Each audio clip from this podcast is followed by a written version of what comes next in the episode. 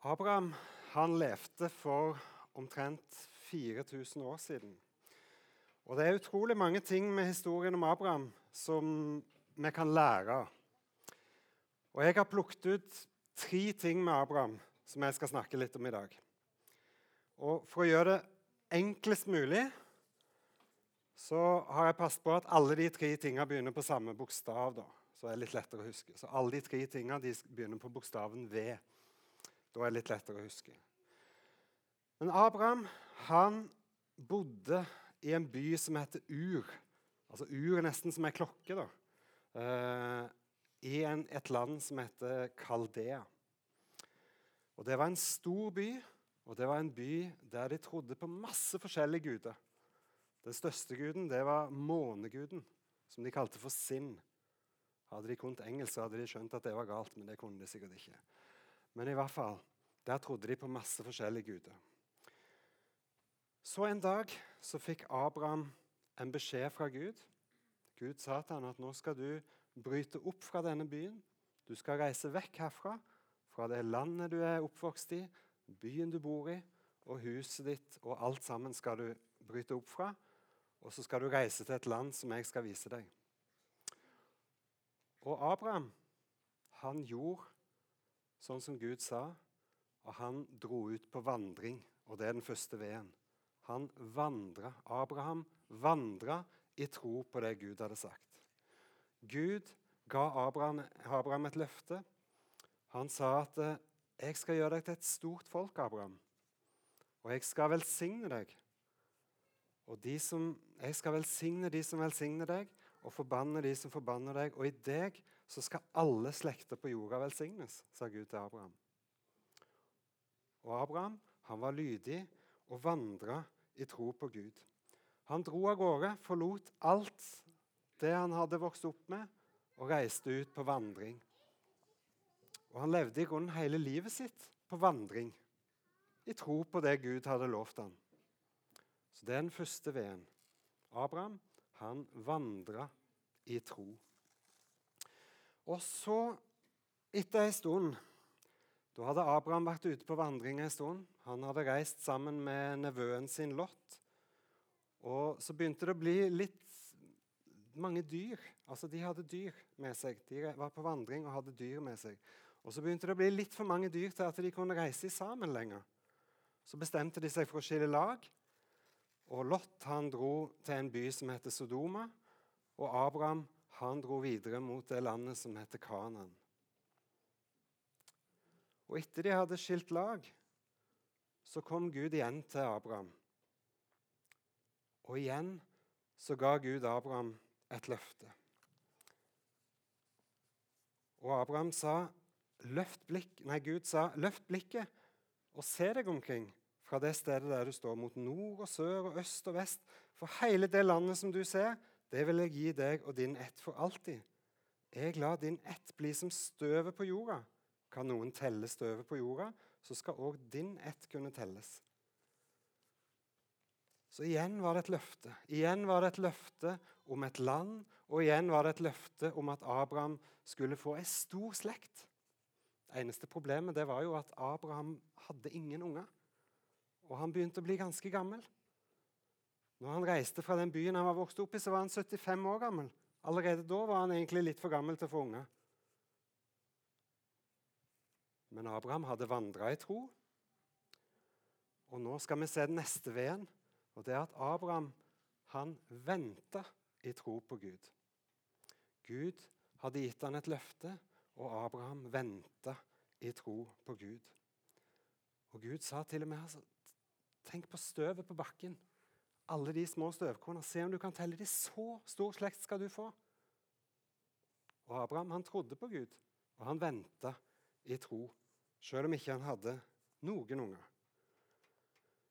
Så, etter ei stund, skjedde det ingenting. Abraham fikk ingen unger. Men så kom Gud til han igjen. Og igjen så gjentok Gud løftet. Og han sa, tok med seg Abraham ut utenfor teltet og sa til Abraham se opp på stjernene. Abraham. Se om du kan telle alle stjernene. Så stor slekt skal du få, som stjernene på himmelen. Og så sa, så sa Gud det at eh, nå skal jeg inngå en avtale med deg.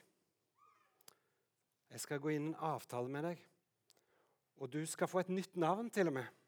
For fram til nå så hadde han hett Abraham. Abram. Og det betyr 'min Gud er stor'. Og nå skulle han få et nytt navn. Han skulle hete Abraham. Og det betyr at han skulle bli far til en masse folk. Ennå så hadde han ingen unger. Men han trodde på Gud, og han venta i tro på Gud. Men så er det jo litt sånn Jeg vet ikke hvordan det er med dere, men av og til så kan det bli litt vanskelig å vente. Sant? Særlig hvis det er noe vi gleder oss til. Så kan det bli vanskelig å vente. Og Sånn var det kanskje litt for Abraham òg. For Abraham og kona Sara de ble nok litt utålmodige.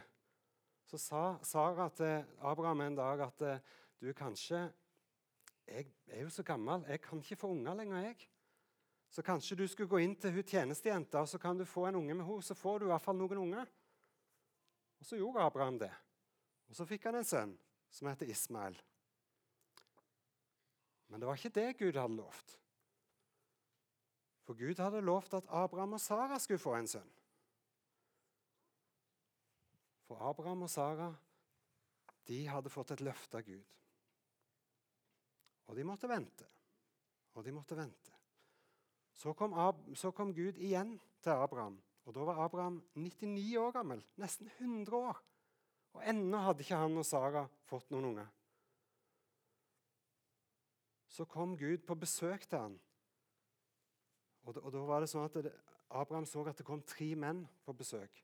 Han satt foran teltet sitt, så kom det tre menn på besøk. Og det var egentlig Gud som kom på besøk der. Så kan vi tenke på hvorfor det var tre. da. Jeg har en idé om det, men det står ikke det, så vi skal ikke tenke så mye om det. da. Men Gud kom på besøk til Abraham. Og så spurte, spurte han hvor, hvor er Sara, kona di? Nei, hun er inne i teltet der og, og lager te. Og Så sa Gud til Abraham at eh, jeg skal komme tilbake når tida er inne. Og da, da skal Sara, kona di, få en sønn. Og Så hørte Sara dette her. Hun var jo blitt ganske gammel. Sant? Hun var jo nesten 90 år gammel. Altfor gammel til å få unger, egentlig, så hun begynte å le litt. Og det hørte Gud. Og sa det at ja, du kan le, du, men eh, jeg kommer tilbake igjen. Og Da skal du ha en sønn. Og Den sønnen skal dere kalle Isak, og det betyr 'han som ler'. Det var jo litt løye. sant? Gud hadde litt humor òg, da. Eh, og Abraham og Sara måtte vente i tro. Og så skjedde det som Gud hadde lovt. Endelig. Da hadde de venta i 25 år og var egentlig altfor, altfor gamle. Men så ga Gud dem en sønn, sånn som han hadde lovt. Abraham, han venta i tro. Og til slutt så fikk han sønnen Isak. Så Det var den andre veien.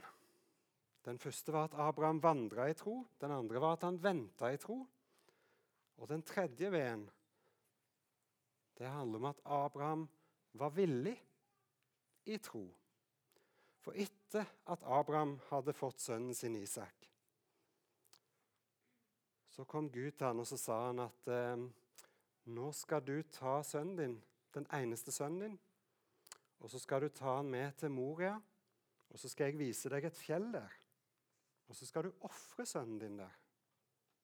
Tenk på det. Gud ba han om å ofre sin egen sønn.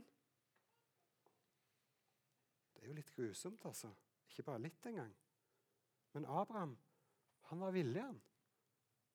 Selv om Gud spurte han om det som måtte være det vanskeligste som fantes, så var Abraham villig. Og så reiste han til Moria og opp på dette fjellet. Men heldigvis, da, Heldigvis så stoppet Gud han. For Gud ville bare sette han på prøve.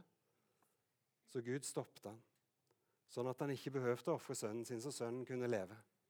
Men Abraham var villig i tro, uansett hva Gud spurte han om. Så det var den tredje veien. 2000 år etter at Abraham levde, så ble det født en annen gutt i en by som heter Betlehem. Han var Abraham sin slekt. Han var Isak sin slekt.